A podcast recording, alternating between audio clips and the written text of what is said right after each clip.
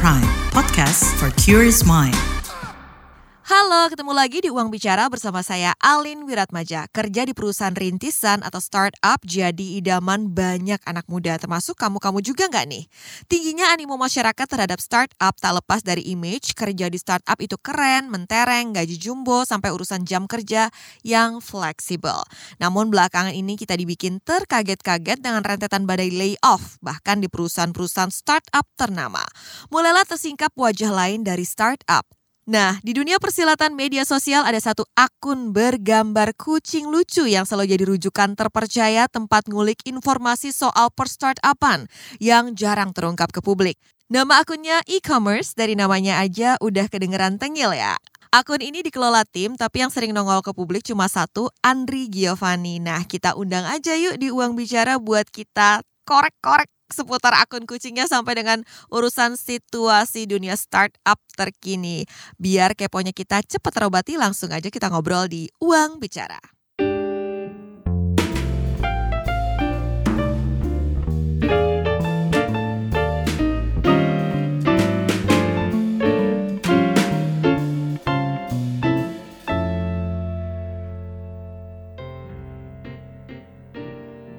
Halo teman-teman podcast Uang Bicara ketemu lagi dengan saya Alin Wiratmaja. Kali ini kita datengin uh, sosok di balik akun viral e-commerce yang bahkan ini uh, apa yang di-sharein di akun itu bisa sampai dikutip oleh media-media internasional luar biasa banget kan. Dan kalau mereka misalnya rilis satu produk apa pun langsung war kayak gitu benar-benar powerful banget akunnya ini dia Mas Andri Giovanni halo Halo Alin, apa kabar? kabar baik kita gantian ya Iya, sekarang saya jadi hostnya gantian. Iya, saya penasaran sih gimana sih asal muasalnya nih akun e-commerce ini? Maksudnya ini tuh lahirnya dari bentuk sebuah kritik atau gimana sih terhadap dunia startup?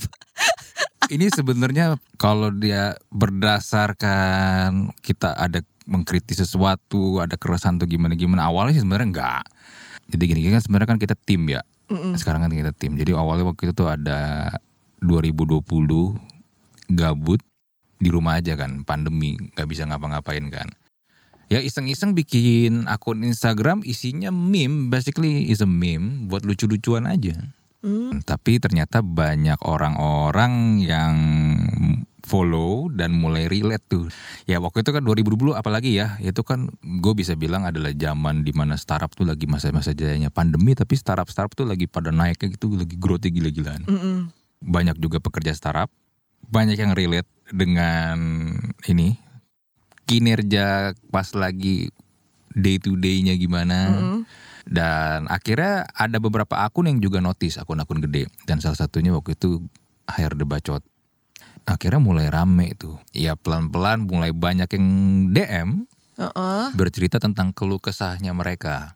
Kita mungkin bisa, bisa dibilang kalau yin dan yang ya. Yinnya itu adalah akun-akun live at apa, live at apa, live at apa. Kalau Iya. kita tuh yangnya nih, yang sisi hitamnya kita yang kasih tahu. Nggak semuanya kayak begitu loh. Nggak semuanya seindah atau sebagus akun-akun live at itu. Jadi ini ada cerita di balik gimana tuh kita struggle, kita tuh kerja bisa dibilang kayak nggak ada habisnya karena kan dianggapnya di rumah ya udahlah kan lu tinggal buka laptop dan apalagi beberapa startup itu kan beroperasinya sebenarnya tuh 24 hours nggak nggak ada habisnya kan nggak berhenti berhenti dan ya apalagi kalau misalnya lu kayak di ini ya tim technical ya pagi-pagi lu ada bug ya lu harus benerin kan lu harus bangun nggak bisa enggak so ya akhirnya semua orang relate dengan hal itu dan ya udah akhirnya mulailah spill-spillan itu terjadi gitu. Karena kan dari 2015 sampai 2020 kemarin kan startup boleh dibilang kan adalah industri yang sangat-sangat wow banget kan.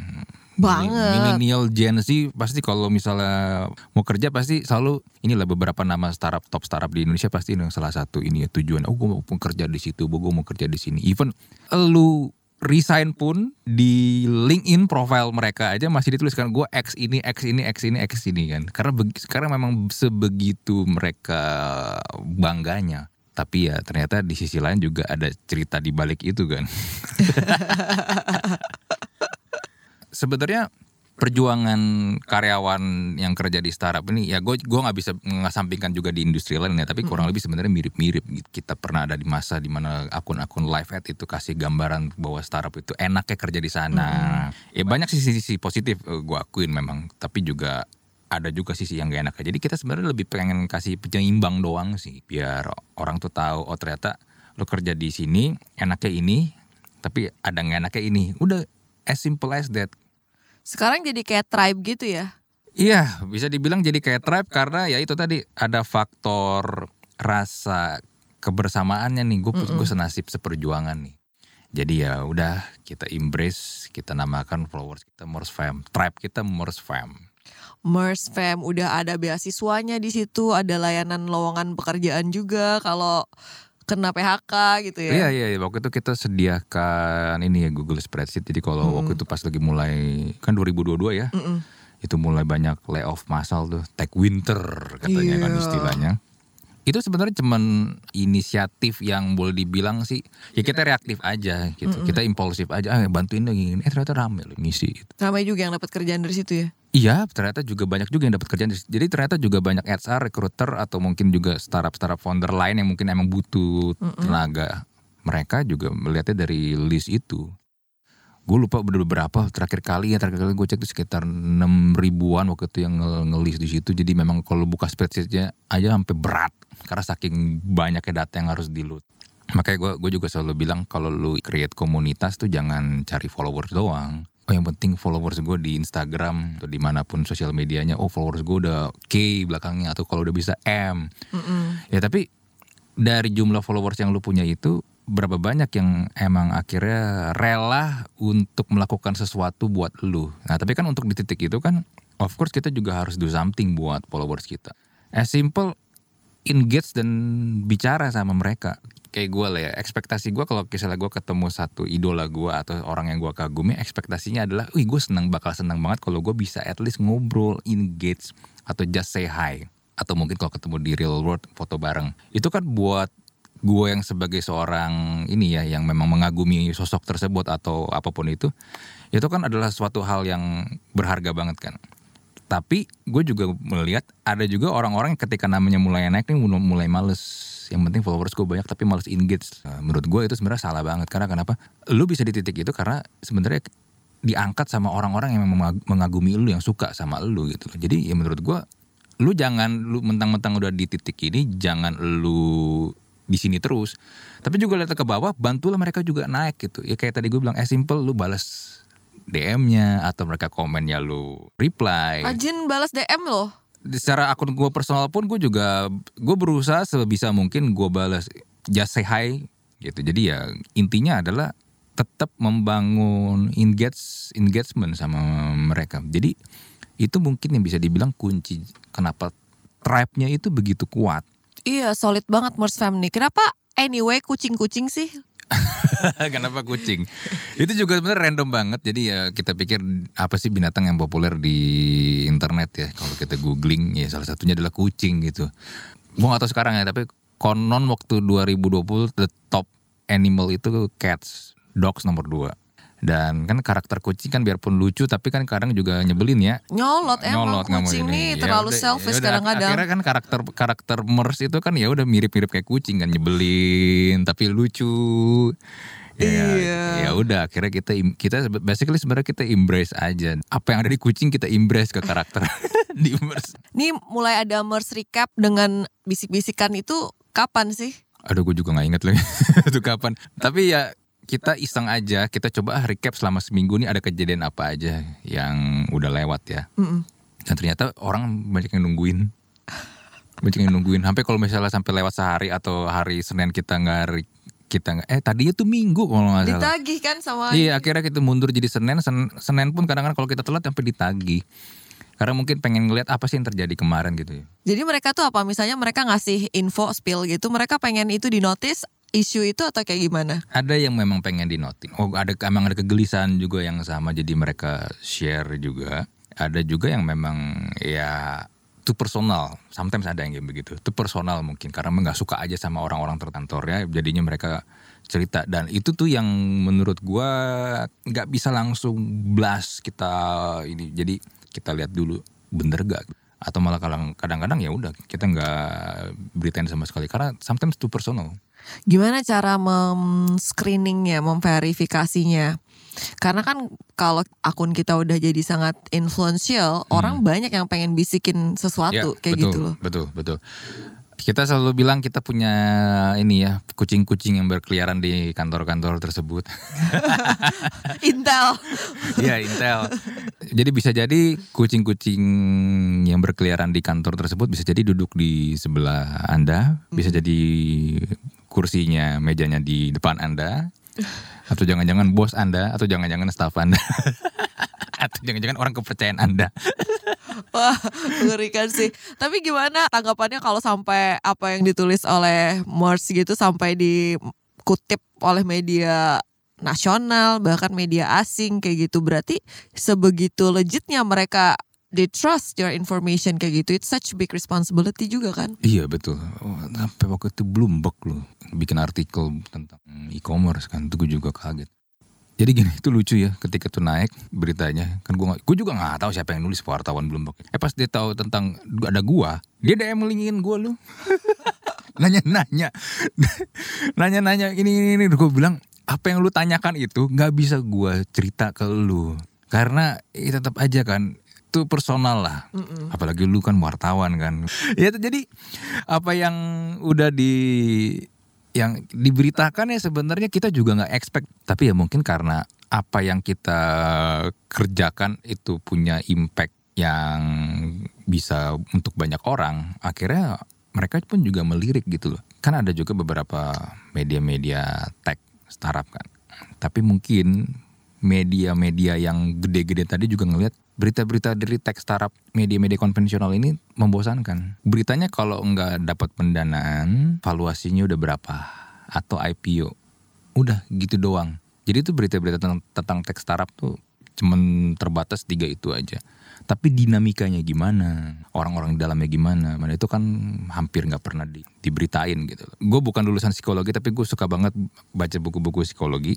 Biar gimana pun bisnis itu kan yang melakukan adalah manusia kan. iya Dan betul dengan manusia ini banyak banget faktor-faktor X nih variabel-variabel yang kadang-kadang tuh akhirnya mempengaruhi dari bisnis itu tersendiri kan. As simple bagaimana mereka treat timnya seperti apa. Dan itu yang gue lihat banyak yang tidak diliput, disorot sama media tech startup yang konvensional ini ya. Sedangkan mungkin kita banyak bahas tentang justru basically banyak banget bahas tentang behavior manusianya. Kenapa bisa jadi bisa kejadian kayak begitu? Kenapa ada satu startup yang punya dana dari investor begitu gede, tapi isi karyawannya sebagian besar anak magang semua.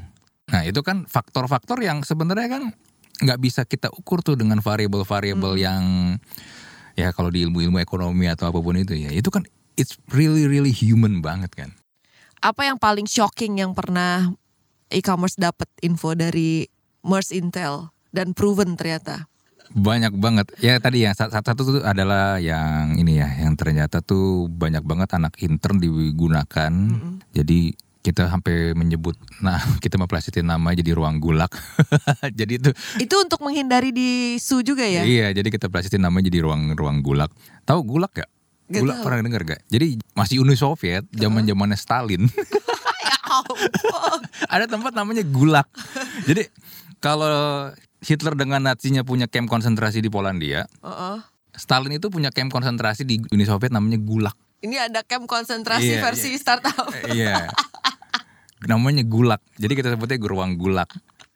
Dan jujur ya, I don't know kenapa dia melakukan itu. Karena gini, apa sih yang bisa lu expect dari anak intern? Karena anak intern kan basically pengen belajar ya.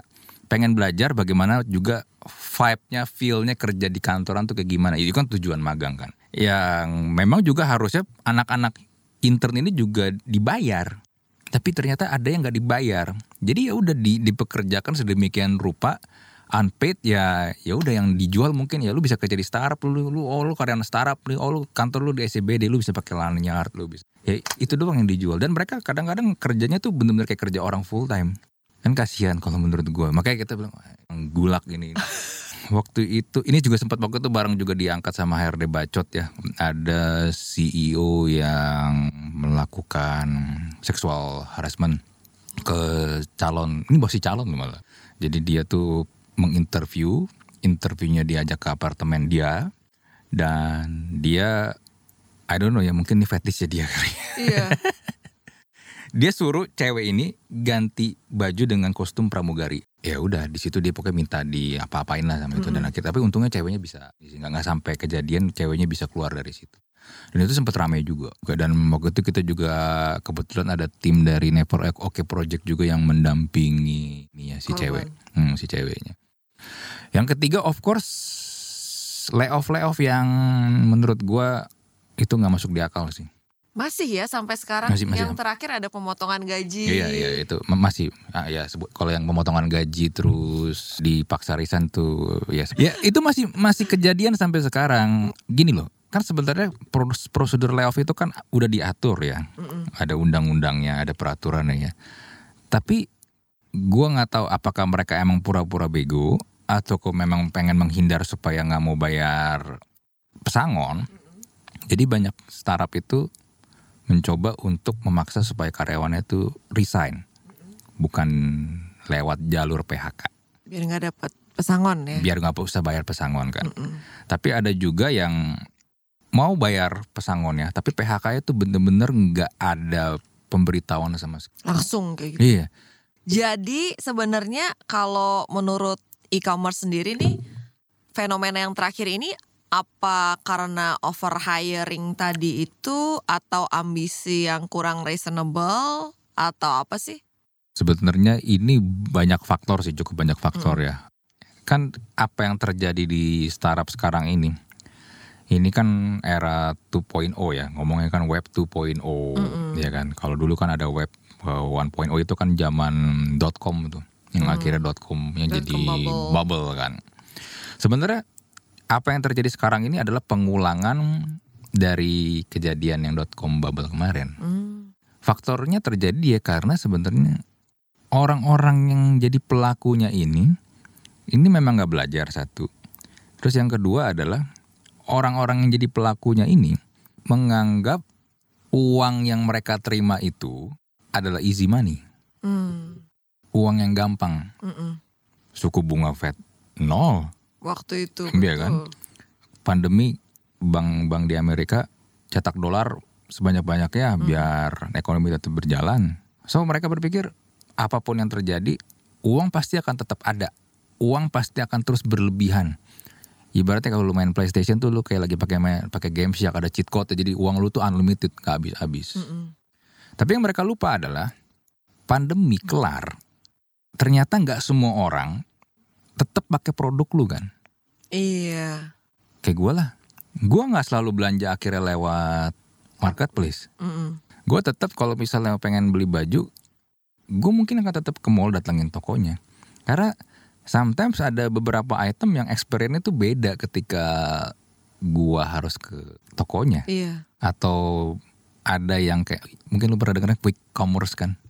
Iya kan, ya, kayak ya, quick commerce yang lu tuh bisa belanja ke barang kebutuhan sehari-hari tuh pakai ini langsung datang gitu kan. Sekarang kan pada rontok semua kan. Karena kenapa ternyata behavior kita tetap mau belanja kebutuhan sehari-hari ke pasar swalayan kan, Iya. atau tukang sayur lewat depan rumah. Iya, suka experience yang kayak gitu Iya. ternyata. Dan akhirnya usernya ini kan nggak nggak bisa tetap sustain seperti sebelumnya kan. Akhirnya mulai berkurang. Ya, tadi juga ditambah suku bunganya dinaikin.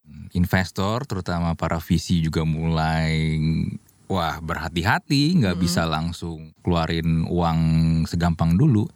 Ya udah akhirnya kan kayak satu visi paling gede di dunia Sequoia aja sampai keluarin notice kan kalau ini bakal susah jadi ya uang yang lu pegang sekarang gunakanlah sebijak mungkin. So jadi waktu itu yang gue lihat adalah cara paling gampang menurut mereka untuk ngurangin cost adalah dengan yang ngekat karyawan. Ya menurut gue mungkin ya gue nggak tahu emang beda-beda ya company ya. Tapi sometimes mungkin selain ngekat karyawan, menurut gue lu juga harus ngekat gaji lu sendiri sih para foundernya ya. Gaji kalian terlalu gede. Apalagi kalau perusahaan lu lagi susah dan perusahaan lu tuh bingung gimana caranya profit.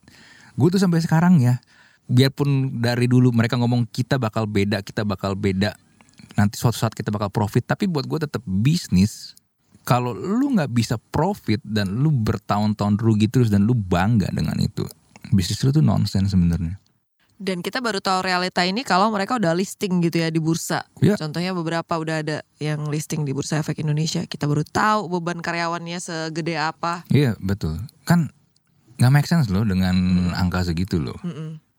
dan akhirnya ya udah bikin industri ini ya akhirnya jadi kacau balau kan Mm-mm.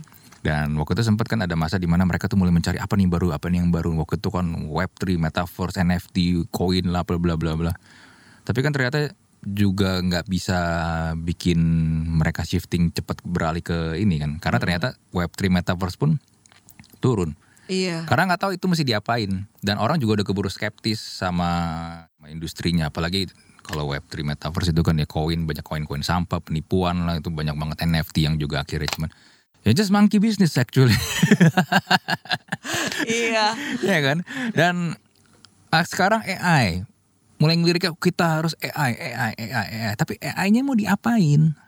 Di Indonesia menurut gua startup untuk mau bikin AI sendiri secara tek- teknologi itu susah. Mungkin akan tetap di Amerika atau mungkin di China. Yang bisa ini yang ngembangin sesuatu AI yang baru ya. Tapi kalau di Indonesia menurut gue susah. Kita ya balik lagi hanya akan jadi penikmat. Andaikan ada bikin startup pun ya kita mungkin hanya juga mengcopy apa yang udah ada di luar. Mm-mm. Nah, ada satu venture capital namanya Rocket Internet. Itu tuh paling suka tuh mengcopy apa yang udah jalan di Amerika. Mereka coba copy ke negara-negara Asia. Lazada basically is Ama- Amazon Itu tadi Andri Giovanni, digital creator dan co-founder dari e-commerce yang udah bahas realita dunia startup di tanah air. Masih banyak lagi yang bakal di-spill Andri, so jangan ke mana-mana. Tetap di Uang Bicara. Satu kata yang mendeskripsikan cinta, respect. jahat, selfless. komunikasi, Itu kata mereka soal cinta. Dengarkan Love Buzz di kbrprime.id. Tersedia juga di platform mendengarkan podcast lainnya. Love Buzz. Membicarakan perkara yang tidak dibicarakan ketika berbicara perkara cinta.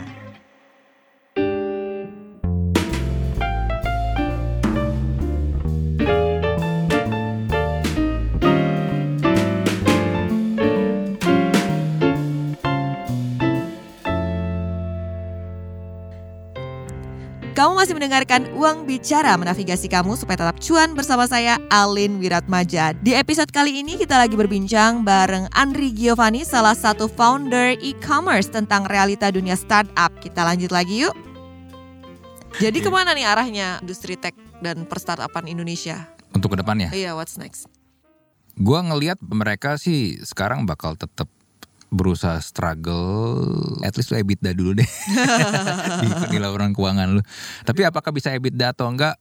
We don't know. Karena masalahnya adalah satu bisnis model pemainnya kan gak cuman satu Mm. orang doang. Kita tuh perlu nggak sih pemerintah tuh kayak misalnya ada keberpihakan lah sama startup lokal kayak gitu. Dengan ya jadinya mungkin ada aturan-aturan yang nggak bikin level playing field aja. Harusnya sih menurut gue pemerintah bisa turun tangan sih. Mm-mm. harusnya ya tapi I don't know sampai bisa sejauh mana. Karena ini, ini juga menarik nih lu, lu bring up tentang ini ya. Gue kemarin sempat uh, audiensi sama Kementerian UMKM jadi ada satu pelaku UMKM dia cerita di negara lain dia waktu itu pengen penetrasi masuk ke uh, Thailand.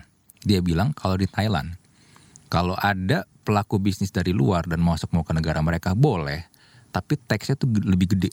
Itu cara pemerintah Thailand untuk memprotek para pelaku bisnis di Thailand. Mm-mm, Jadi pelaku bisnis dari luar boleh masuk tapi teks lu lebih gede. mm-mm. Dan kalau di Indonesia gue lihat kayak arahnya belum ke sana sih karena ada kita barriernya ya. Iya, karena kita memang ya kita memang butuh investasi dari luar, kita open tapi ya akhirnya membunuh pemain-pemain lokal. Kayaknya road to profitability masih panjang buat ini ya. Masih masih masih panjang banget. Dan kalau misalnya ada yang bilang acuannya let's say Amazon, Amazon tapi akhirnya profit tuh. Yes, tapi Amazon profit setelah berapa tahun? 10. Iya, dan dan juga perlu yang perlu diperhatikan adalah Amazon itu udah ada lama. Dan pemain yang mau menyaingi Amazon itu susah untuk masuk karena marketnya memang Amazon udah udah udah udah grab ya, udah udah pegang. Tapi kan yang lain kan balik lagi tadi gue bilang hanya mengcopy apa yang udah Amazon lakukan. Iya. Ya balik lagi ya bisnis kalau nggak ada value-nya ya orang nggak akan bisa loyal. Mm-mm. Orang nggak akan bisa tetap setia sama bisnis lu, sama produk lu. Mm-mm. Uh, Oke, that's why tadi kita ngomong di awal, kalau kita bangun bisnis, ya bangunlah tribe untuk bisnis lu. Jadi orang memang bangga pakai produk lu, orang suka sama produk lu dan orang nggak nggak akan ini nggak akan ragu juga untuk quote unquote endorse ya, Mm-mm, organik. iya organik gitu loh, tanpa perlu lu embel-embel lu mesti bayar mereka. Betul. Itu yang menurut gue sebenarnya sih yang miss di para pelaku startup itu. Mereka terlalu banyak bakar-bakar duit aja, hanya mencari GMV dan ya basically this is valuation game, so makanya sekarang mereka baru kena batunya kan. Sekarang profitability game gitu, me the money katanya ya. iya loh. Kemarin siapa yang nge-tweet ya? Pak Win. Tahu Pak Win gak? Asal pola pikir. Oh iya, iya, Eh, iya. iya. kemarin dia dia nge-tweet dengan Kok gitu sih? Gitu. Iya, iya. Oh, hah, kok gitu sih? Heeh. Ya dia bilang kan eh, sekarang kalau mau cari pendanaan ditanyanya lebih detail. Mm-mm. Jadi gue reply kan, "Ah, kalau dulu bro asal lu lulusan Ivy League, asal lu lulusan Ivy League atau lu pernah kerja di consulting, Heeh. Dapetin 100 juta US dollar mah gampang banget kayak bagi-bagi kuaci. Kalau sekarang udah nggak. Lebih ketat untuk dapat uang yang lebih sedikit ya. Iya betul lebih ketat. Malah mungkin sekarang gue bilang daripada lu pusing-pusing cari investor ya, ya lu inilah lu hajar bisnis lu supaya seini mungkin lah, sebagus mungkin lah. I- Ini juga tadi gue lupa tambahin. Ini juga jadi salah satu catatan ya menurut gue. Para pelaku startup ini akhirnya menganggap dengan mereka mendapatkan investment dari series A sampai berseri-seri itu adalah sebuah achievement. Jadi startup itu adalah salah satu KPI ya tolak ukurnya adalah seberapa besar lu bisa uh, raising fund. Mm-mm. Ya tapi kan lu dapetin dana itu kan lu harus balikin dong. Iya. Iya kan logikanya gitu dong. Itu kan bukan uang lu loh. Itu kan uang yang lu uang ada orang yang percaya sama lu dititipin ke lu supaya lu ngembangin bisnisnya. Mm-mm. Dan kalau lu jadikan itu achievement kan jadinya kan secara ini ya, eh, secara subconscious berpikir ini uang yang gue cap yang gue dapetin dari kerja keras gua nih. Mm-mm. Kan beda ya. Kalau emang lu bener-bener dapetin duit itu karena lu memang lu kumpulin eh, cash flow-nya lu atur sedemikian rupa supaya supaya lu ada profit tiap bulan. Itu kan lu bakal lu bakal ngejagain duit lu tuh supaya nggak boncos kan. Nah, ini kan enggak karena berpikir ini achievement gua, gua dapetin duitnya jadi seakan-akan punya gua. Tapi padahal itu tuh titipan. Padahal harusnya achievementnya kalau udah bisa balikin tuh duit pakai Iya, iya. return gitu ya. Iya, ya profitable dong. Ya, profitability itu yang harusnya dicari kan. Tapi kan ya itulah. eh buat mereka itu jadi sebuah achievement. Oh kita udah ini di series ini di series ini itu, itu adalah achievement kita. Ya udah, akhirnya sekarang pada kebingungan gimana caranya profit. Ya udah, akhirnya pilihannya ya tadi. Kalau nggak nge off supaya ngurangin beban kos, Mm-mm. ya atau tutup sekalian. Karena nggak bisa diapa-apain lagi Iya. udah nggak bisa diapa-apain lagi Lin udah bener-bener di titik di mana tuh itu bisnis memang pada dasarnya memang dibikin bukan karena ada orang mau pakai tapi dibikin seakan-akan memang ada yang mau pakai tapi nggak ada yang sebenarnya yang mau pakai Kita nggak apa-apa kalau nggak ada itu gitu ya. iya kita malah nggak peduli ya ada ada atau enggak Mm-mm. dan malah mungkin sebenarnya adanya aplikasi yang lu bikin tuh menambah keribetan dari proses transaksi konsumen kan Heeh. yang tadinya mungkin cuman lihat barang di sosial media nomor WA-nya ini kalau mau ini kontak bisa ketemuan langsung bisa gue contoh mungkin eh, mobil lah ya mobil bekas misalnya Mm-mm. gue tinggal lihat ada barangnya ada yang mau jual ini gue kontak orangnya lewat via WA ketemuan deal bayar udah that's it Mm-mm.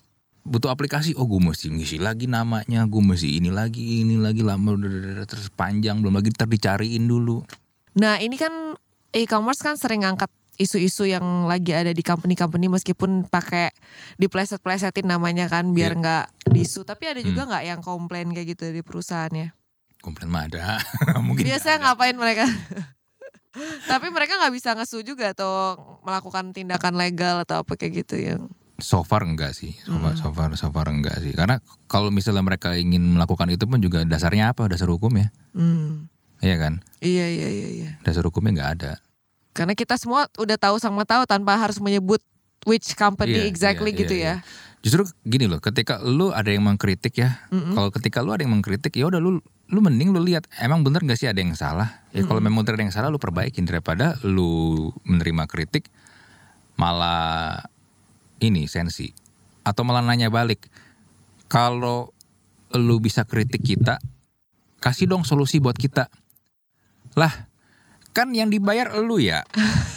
yang gajinya mahal kan lu ya. Ya kita kan sebagai pengguna mama ya udahlah kita kita kan emang ini experience kita gimana kan ya udah kita merasa ada yang nggak bener atau ada yang kurang ya kita kasih masukan, kita kasih kritik dong. Oh ini nggak gini. Tapi kan bukan berarti kita yang harus kasih solusinya gimana kan justru lu dibayar di situ ya buat berpikir bu- buat untuk solve the problem dong. Kenapa jadi kita yang harus kasih ini? Ya boleh aja sih kalau lu mau kita yang kasih solusi kita kita cobain bikinin tapi ya lu harus bayar gua dong. Ya kita jadi consulting. Iya jadi consulting firm. Kasih pesan dong buat yang saat ini berkarir di startup atau mau berkarir di startup. buat yang berkarir di startup menurut gua sekarang ya kalau memang lu suka lu nyaman dengan pekerjaan lu sekarang please eh, jalanin gitu loh. Tapi ya mungkin yang perlu juga jadi catatan ini juga sekalian buat yang pengen kerja di startup eh, lu harus lihat juga company lu sekarang itu runway-nya sampai sejauh mana. Bisa bertahan sampai sema- eh, seberapa lama? Setahun kah? Atau jangan-jangan malah less than six months? Lu harus lihat juga. Itu mempengaruhi apakah lu bakal bisa bertahan atau enggak dan menurut gue juga nggak ada salahnya lu tanya sih. Lu make sure jangan sampai ya itu ya kejadian lu lagi mau login pagi-pagi jam 9 waktunya kerja lu nggak bisa login kan lu, lu akses lu di revoke. Painful sih itu. iya akses lu di revoke. Ya menurut gue kita sebagai tim harusnya juga punya in- dapat informasi ini company bakal sejauh mana bisa bertahan sustainability-nya sampai sejauh mana. Karena kan kalau lu udah tahu kapal lu mau tenggelam ya ya mending lu cari skoci dong Iya kan Iya. jangan pakai prinsip Titanic Jack sama Rose nyemplung mau nyemplung bareng tenggelam bareng akhirnya Rose-nya juga yang ini selamat sendiri Jacknya yang mati Tapi sebenarnya orang kalau di dalam eh, kondisi kapal yang lagi oleng tuh sebenarnya kalau kayak pekerja biasa gitu mereka bisa tahu atau ditutupin sih sebenarnya di ada yang tutupin, ada yang kasih tahu. So menurut gue ini nggak balik lagi ya, balik lagi ke manusianya. ya. Si top manajemennya, foundernya, CEO-nya bakal mau infoin nggak? Karena buat gue kalau lu memang balik lagi ya, lu punya rasa kebersamaan dengan tim lu, tim lu tuh harus tahu kalau gua nih lagi stres, gua nih lagi pusing, company kita nih runway tinggal segini. Let them know. Siapa tahu ya, siapa tahu mereka bakal punya ini loh, punya Solusi. solusi bisa bantuin lu kan atau mereka bakal kerja lebih ini lagi supaya emang wah udah kita harus ya udah kita bareng-bareng yuk inin daripada lu diem-diem dan lu ngekat mereka gue gue percaya ya ketika ada kita kita jahat sama orang ya. Eh, orang mungkin akan ngutuk kita lah atau apa pun itu bentuknya itu bisa kena ke kita loh. I believe karma is real. Indeed. Iya kan, entah itu datangnya kapan kan. Dalam bentuknya apa kita nggak pernah tahu. Itu tadi Andri Giovanni dari e-commerce yang udah membeberkan banyak fakta seputar dunia startup di Indonesia. Semoga bisa menambah pengetahuan kamu ya. Semoga berguna juga buat kamu yang lagi ancang-ancang nyari kerja di dunia startup. Nah, kalau kamu punya kritik, saran, masukan, ide keren yang perlu kita bahas di podcast Uang Bicara, langsung aja kirim email ke podcast at kbrprime.id dengan subjek Uang Bicara. Saya Alin Wiratmaja pamit, jangan lupa dengerin terus Uang Bicara, menavigasi kamu supaya tetap cuan setiap Kamis di KBR Prime, Spotify, Apple Podcast, dan platform mendengarkan podcast lainnya. Bye-bye!